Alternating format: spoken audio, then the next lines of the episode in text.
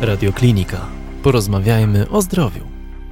Jeżeli mówimy o przewlekłym kaszlu, to mówimy o kaszlu, który trwa minimum 6-8 tygodni.